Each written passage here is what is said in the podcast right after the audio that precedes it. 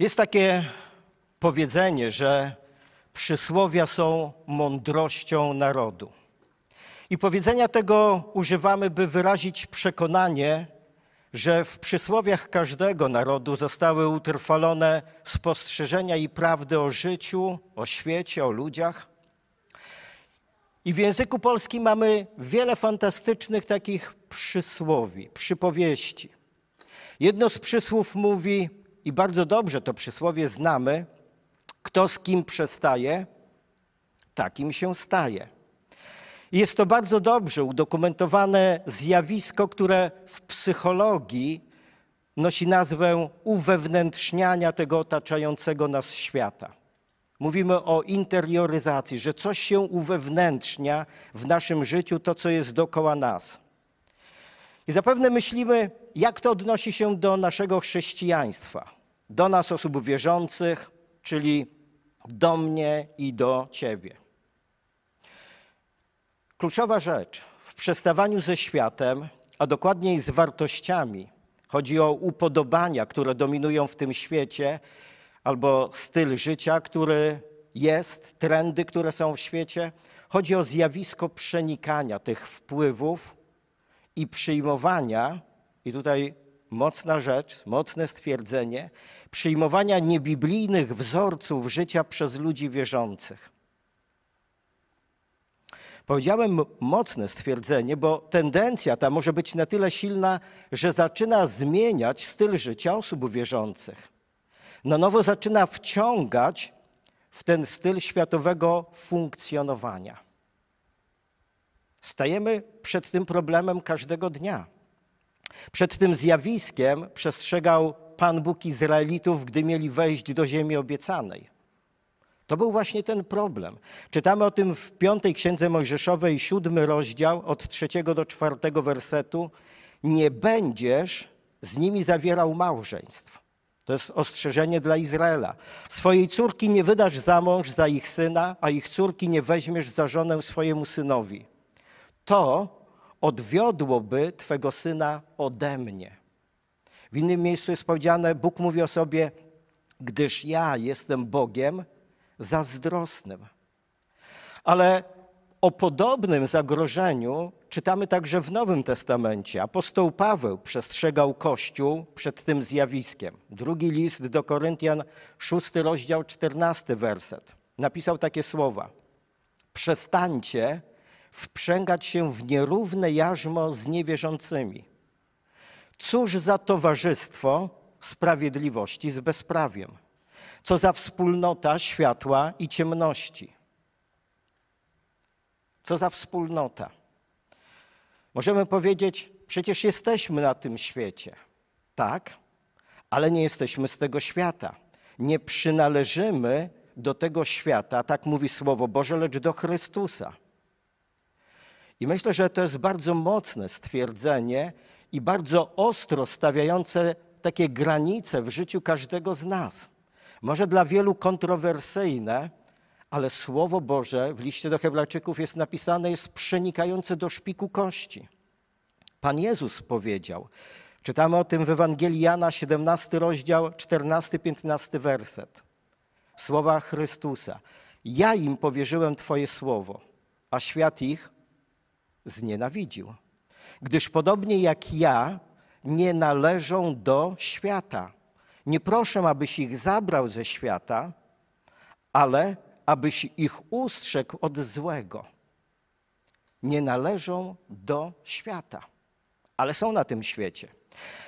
Dwa światy: Królestwo Boże i Królestwo Nieboże. Koegzystujące obok siebie, przenikające się, oddziałują na siebie. I to jest rzecz oczywista, bo żyjemy na tym świecie.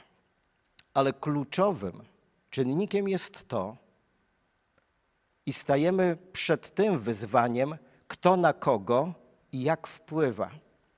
Czy świat wpływa na mnie tak, że ja przejmuję wzorce tego świata, czy ja wpływam na ten świat, wprowadzając Chrystusa w życie innych ludzi, dookoła siebie. W kazaniu na górze Pan Jezus powiedział takie słowa, czytamy o tym w Ewangelii Mateusza, piąty rozdział, gdzie w 13 i 14 wersecie Pan Jezus mówi, że to my mamy być światłością tego świata, że to my mamy być solą tej ziemi. A żyjemy w dosyć szczególnym świecie. Myślę, że każde pokolenie ma swój szczególny świat, który go otacza. Bo jakbyśmy scharakteryzowali współczesną naszą cywilizację, jakie są trendy, jakie są upodobania obecnej dominującej kultury zachodniej lat dwudziestych XXI wieku. Powstało na ten temat sporo już literatury ciekawej, pokazującej trendy współczesnego świata. Bo człowiek we współczesnym świecie stoi w centrum. Przez całe średniowiecze, tysiąc lat, w centrum stał Bóg. Później zaczęło się to zmieniać. Ale doszło do tego momentu, że w XX wieku i w XXI wieku człowiek naprawdę stanął w centrum. Nastąpiło ubóstwienie człowieka. Stoi na piedestale. Hedonizm, wygodnictwo, konsumpcjonizm, komfort życia. Zawsze mówimy o szczęściu ponad wszystko, swoim zadowoleniu. Każdy chciałby być spełniony, być ważnym, usatysfakcjonowanym ponad wszystko. To są zasady współczesnego świata. Króluje po prostu moje ja. Dla mnie, według mnie, to mi się należy, muszę mieć, walczyć o swoje. I chciałbym powiedzieć, nie dziwmy się, że taki świat współczesny jest, że takie trendy dominują. Nie ma w tym nic po prostu zaskakującego. Czyli to norma dla tego świata. Nie oczekujmy czegoś innego. To jest norma dla tego świata. Bo świat nieboży kieruje się swoimi prawami. Ale jednocześnie można powiedzieć, świat Boży ma swoje prawa i zasady. I lud Boży, Kościół powinien doskonale o tym pamiętać, że żyjemy w dwóch różnych światach, które chociaż się przenikają, oddziałują na siebie, są różne. Są bardzo różne. I kluczowa kwestia, nie da się tych dwóch światów ze sobą pogodzić. Tak jak apostoł Paweł napisał, bo co ma wspólnego światłość z ciemnością? Światy są różne, królestwa są różne, bo mają różne wartości, a przede wszystkim mają różnego ducha. Inne jest zupełnie źródło życia każdego z tych światów. I chciałbym, żebyśmy zapamiętali kluczową taką myśl, że świat ludzi oddanych Bogu i świat ludzi niewierzących to dwa różne światy pod wieloma względami właśnie przenikamy się, oddziałujemy na siebie. Ale jasno, człowiek wierzący może sobie, musi sobie uświadomić, że ten świat jest wrogi Bogu i wrogi Jego ludowi. Przyjaźń z tym światem jest nienawiścią Boga. Kto miłuje ten świat, nienawidzi Boga. O tym mówił apostoł Jakub w swoim liście. Czytamy Jakuba 4:4. Wiarołomni, czy nie wiecie, że przyjaźń ze światem to wrogość wobec Boga? Jeśli więc ktoś chce być przyjacielem świata, staje się nieprzyjacielem Boga. Podobnie czytamy w dziejach, apostoł Jan, przepraszam, napisał – Pierwszy list Jana, drugi rozdział, 15-16 werset. Nie kochajcie świata. Słyszymy?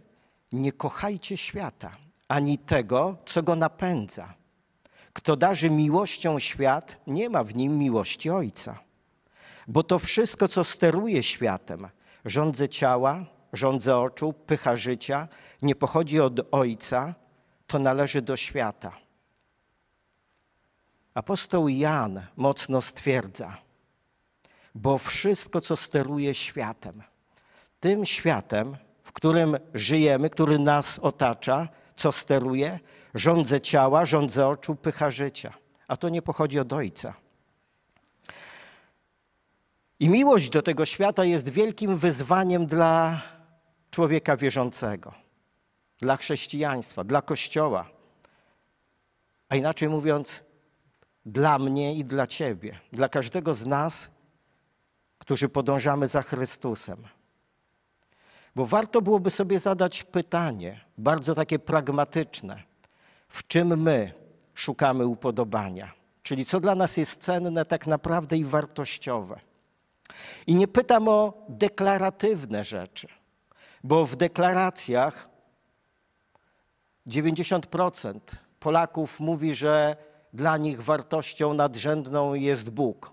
Wierzą w Pana Boga. Ale chodzi mi o praktykę naszego życia, naszej codzienności, naszych wyborów. Nikt tego nie zrobi za nas, to każdy z nas musi zmierzyć się z tym pytaniem. To ja sam muszę odpowiedzieć sobie w głębi swojego serca, w szczerości, co dla mnie jest wartościowe. Kto na kogo wpływa.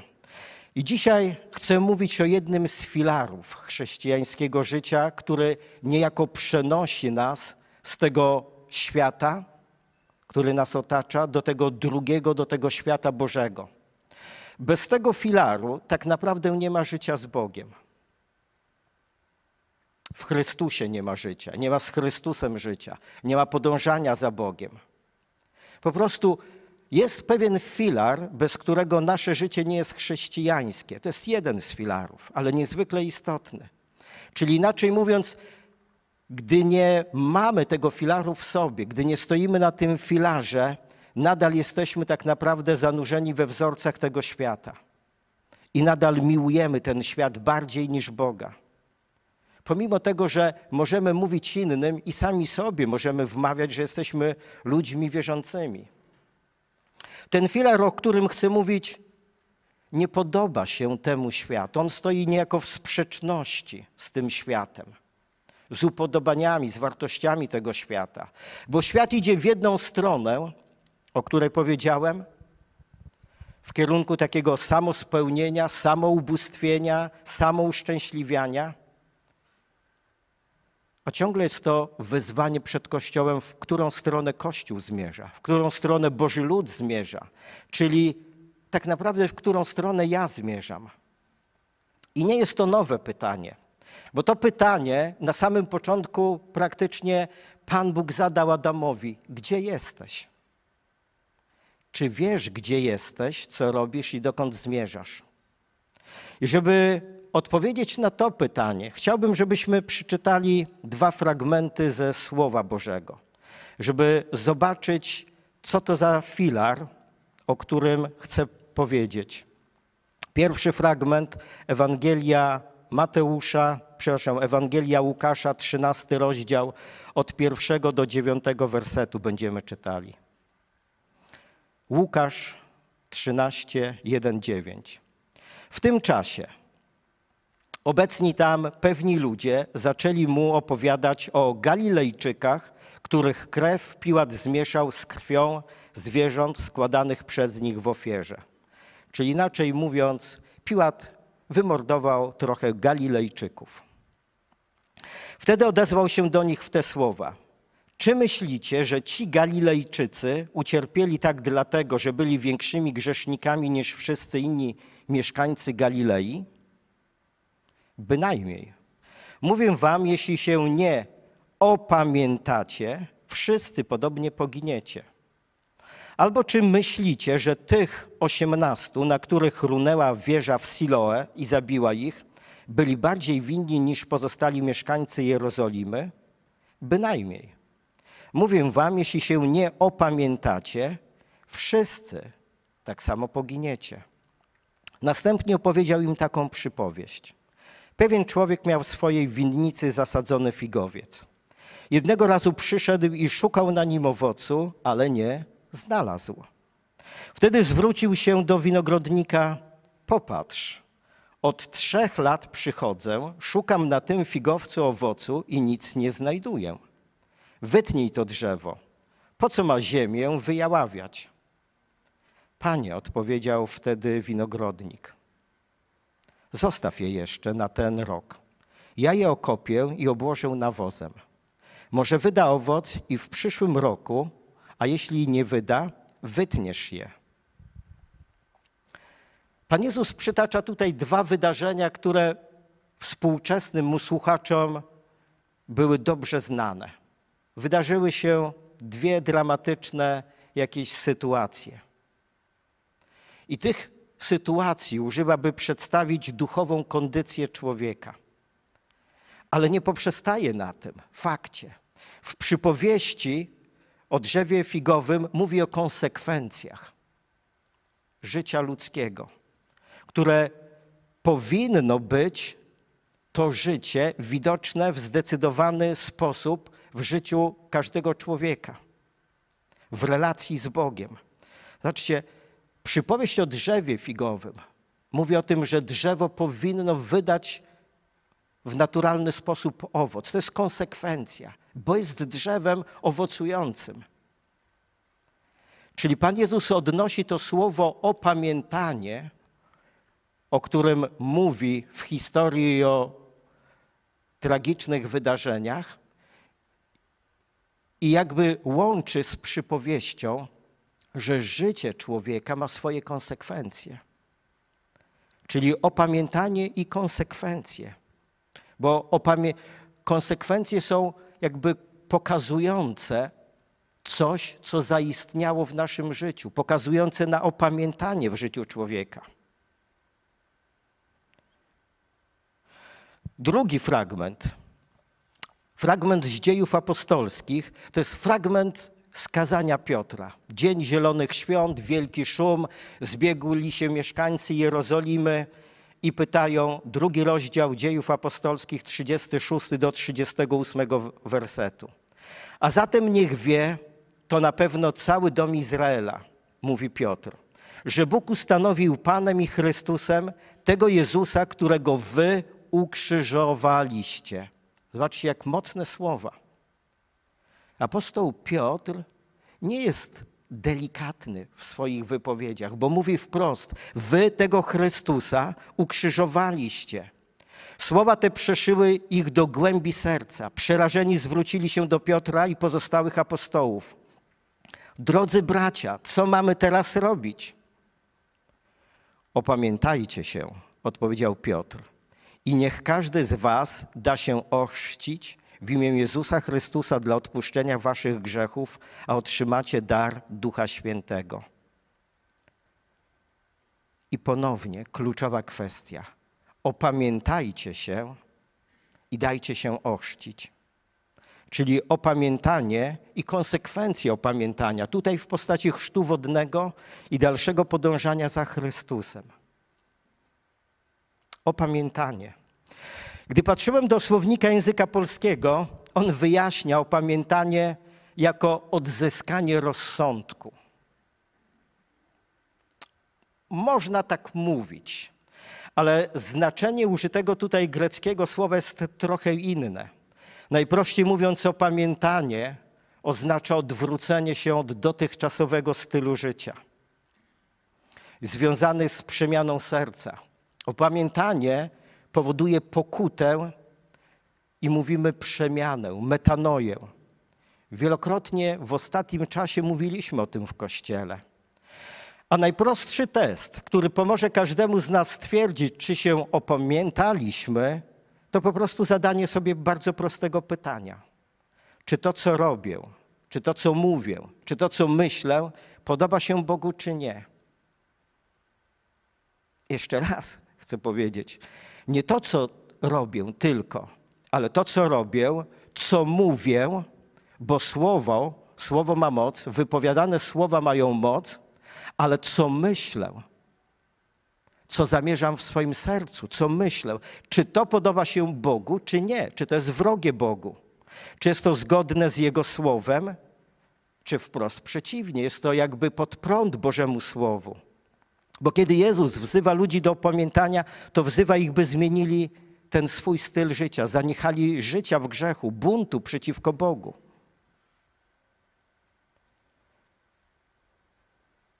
odwracamy się od czegoś, od swojego stylu życia, od swoich wartości, upodobań i zwracamy się ku komuś, ku Bogu, ku Chrystusowi, ku Jego Słowu, ku temu, co Boże Słowo mówi. Bo gdyby każdy z nas był tak dobry, nie potrzebowalibyśmy tego, o czym mówi Pan Jezus, opamiętania.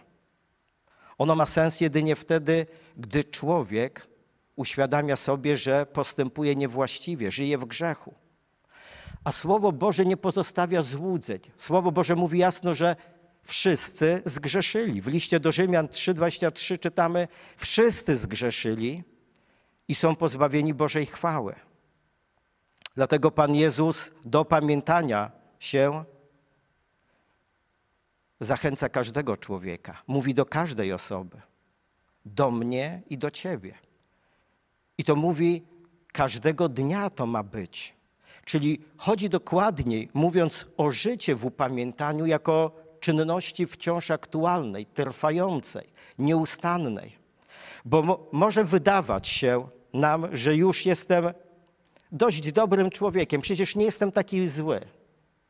No nie upijam się, brzydko mówiąc, nie chleję za dużo, tak? No gdzieś nie kradnę, nie robię niewłaściwych rzeczy, nie popełniam jakiegoś wielkiego przestępstwa. Staram się żyć, postępować przyzwoicie.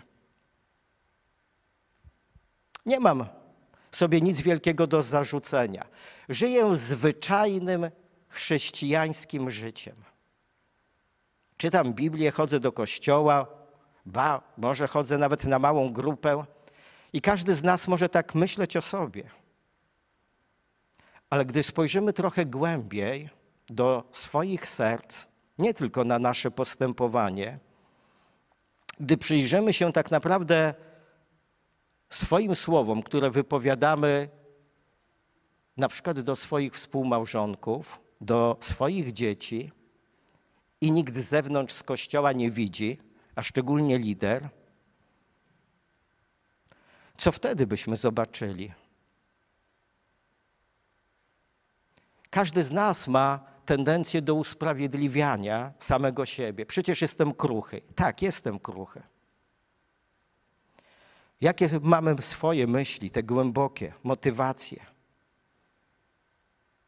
Gdyby zostało to odkryte, gdyby moje myśli, emocje, pragnienia, wartości były widoczne innym ludziom, jakbym się czuł. Może wiele rzeczy byłoby godnych pochwały, ale na pewno wiele rzeczy byłoby takich, które by powodowały zawstydzenie, niedobrych, niewłaściwych. A Słowo Boże mówi, że Bóg jest tym, który przenika nasze serca, nasze myśli, On wszystko wie. Jak bardzo poważne zagrożenie dla naszego życia wiecznego, jeśli nasze serce miłuje bardziej doczesny ten świat niż świat Boży. Bo z powodu miłości do tego świata, to jest tak pięknie brzmi, taki eufemist, ale gdy nazywamy rzeczy po imieniu, czyli krótko mówiąc, z powodu życia w grzechu, Biblia jasno stwierdza, przynależymy do tego świata i stajemy się wrogiem świętego Boga. To są mocne słowa. Cała księga Jonasza jest właśnie na temat opamiętania i pokuty. Ale ona kończy się w sposób piękny, bo kończy się okazaniem Bożej łaski wobec ludzi, wobec Niniwejczyków, którzy pokutowali. Bóg okazał łaskę, co spowodowało frustrację u Jonasza. Jak to? Bóg takim ludziom ohydnie postępującym okazał łaskę? Tak, bo taki jest nasz Bóg. Więc warto zadać sobie to pytanie, jakich owoców opamiętania oczekuje od nas, ode mnie i od Ciebie nasz Bóg. Bo to, że oczekuje, to rzecz oczywista. Opamiętanie Niniwejczyków było wyrażone w konkretnej pokucie. Czasami zastanawiamy się, jak my mamy pokutować.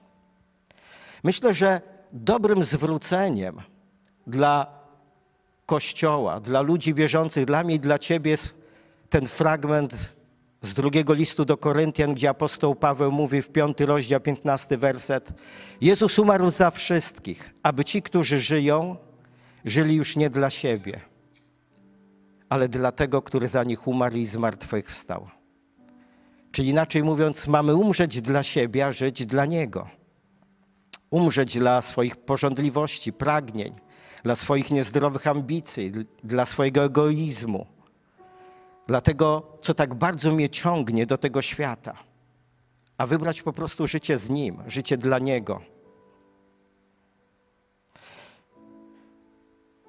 Szczególna postać w Nowym Testamencie Jan Chrzciciel swoje życie poświęcił, by głosić Jerozolimie i narodowi izraelskiemu opamiętanie. W Ewangelii Mateusza czytamy trzeci rozdział, ósmy werset. Wydawajcie owoc godny opamiętania. Dlaczego o tym dzisiaj mówię? Bo chciałbym, żebyśmy siebie samych skonfrontowali z tym filarem chrześcijańskiego życia. Jak jest z naszym opamiętaniem? Z jakimi wzorcami my podążamy? Czyli co dla mnie jest atrakcyjne? Jaki czas jest dla mnie atrakcyjny? Dlaczego o tym mówię? Bo wiem, że coraz mniej atrakcyjny dla wielu osób wierzących staje się czas spędzany w modlitwie, czas spędzany na czytaniu Słowa Bożego, czas spędzany na wsłuchiwaniu się w Boży głos. A coraz bardziej atrakcyjne stają się media społecznościowe, seriale, spotkania towarzyskie przy piwku co nas tak naprawdę napędza w tym świecie. Czy świat zmienia mnie, czy ja zmieniam ten świat? Bo to jest po prostu jest walka. Gdy mówię zmieniam ten świat, to wiemy, że chodzi o Chrystusa, który zmienia świat. Chrystusa mieszkającego w nas. Chrystusa, który uzdalnia do Bożego życia. Jak żywy jest ten Chrystus we mnie. Kocham to stwierdzenie apostoła Pawła, który powiedział, że czyni jedno w swoim życiu. Że chce, aby Chrystus był wszystkim, żeby znaleźć się tylko w Nim. Więc to zawsze stawia nas przed tym bardzo niewygodnym pytaniem, którego najczęściej krępujemy się zadać bliskiej osobie, jak wygląda opamiętanie w Twoim życiu, na ile się opamiętaliśmy. I tak często pozwalamy bliskim nam osobom dalej podążać drogą nieprawości. I często z powodu wstydu, jakiegoś dyskomfortu, jak się ktoś poczuje, nie mam prawa zwrócić nikomu za bardzo uwagi nie pomagamy ludziom, najbliższym, ale pozwalamy, by szli drogą na zatracenie.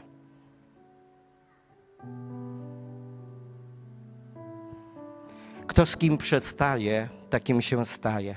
Gdy sobie myślę o tym przysłowiu, to jest niesamowita radość dla tych, którzy przestają z Chrystusem. Ale też zachęta dla tych, którzy jeszcze tak nie czynią, bo przestawanie z Chrystusem powoduje, że stajemy się podobni do Niego. Co mam robić? Przebywać z Nim, miłować Go. Jak osobiście chciałbym, żeby to było motto mojego życia, o którym apostoł Paweł mówi: Nic się dla mnie nie liczy wobec doniosłości poznania Jezusa. Bo gdy jestem w Nim, gdy przebywam z Nim, wówczas to ja, a inaczej mówiąc, Chrystus we mnie przenika ten świat. Ja staję się Bożym światłem, a nie świat przenika mnie na tyle, by mnie zmieniać.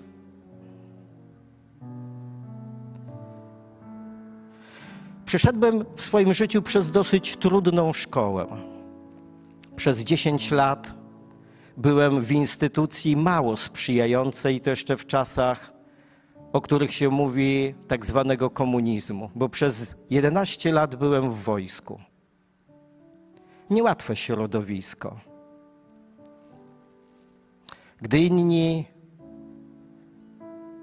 pili, opowiadali, ja siadałem ze Słowem Bożym. Nawet mam jedno zdjęcie, kiedy siedzę sobie na czołgu, gdzieś na poligonie z Biblią i czytam sobie Słowo Boże. Ani nie robiłem tego, żeby ktoś mnie widział, po prostu usiadłem sobie, by czytać Słowo Boże.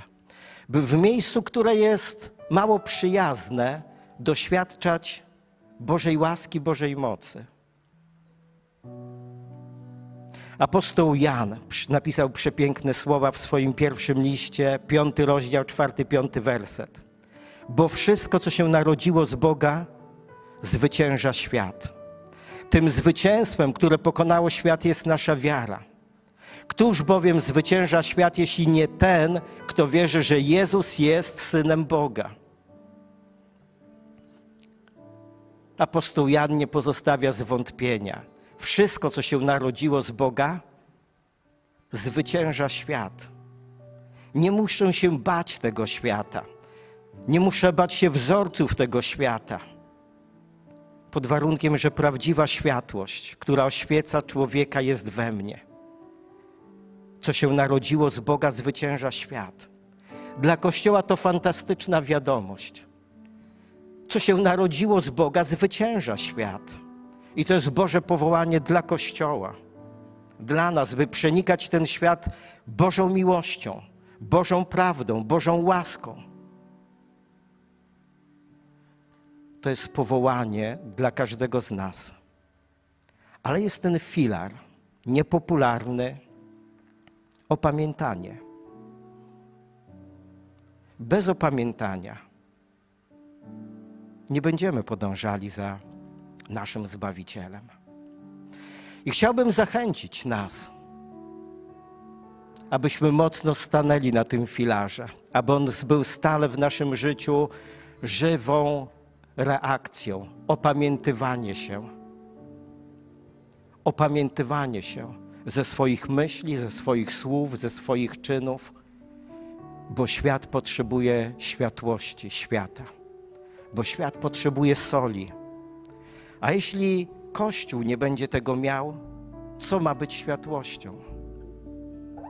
Pochylmy nasze głowy. I Panie, dziękuję Ci, bo wierzę, że to jest Twoje słowo dla naszego Kościoła, że tego bardzo potrzebujemy, aby Twoja światłość nas przenikała, abyśmy żyli w opamiętaniu byśmy żyli w zwycięstwie tak naprawdę, w zwycięstwie Twojego słowa. Panie Jezu, dziękuję Ci, że dajesz to zapewnienie, że Ty zwyciężyłeś i nie musimy bać się. Bo będziesz prowadził nas, byśmy to my przenikali ten świat Twoją światłością. Byśmy to my stali jak to, jak ta wysoko postawiona świeca i oświetlali ten świat. Prawdą Twojego słowa, prawdą Twojej miłości, prawdą Twojej łaski. Bo to, co zwycięża świat, to nasza wiara oparta na żywym Bogu, na Jezusie Chrystusie. Kościół, który zwycięża świat. Amen. Amen.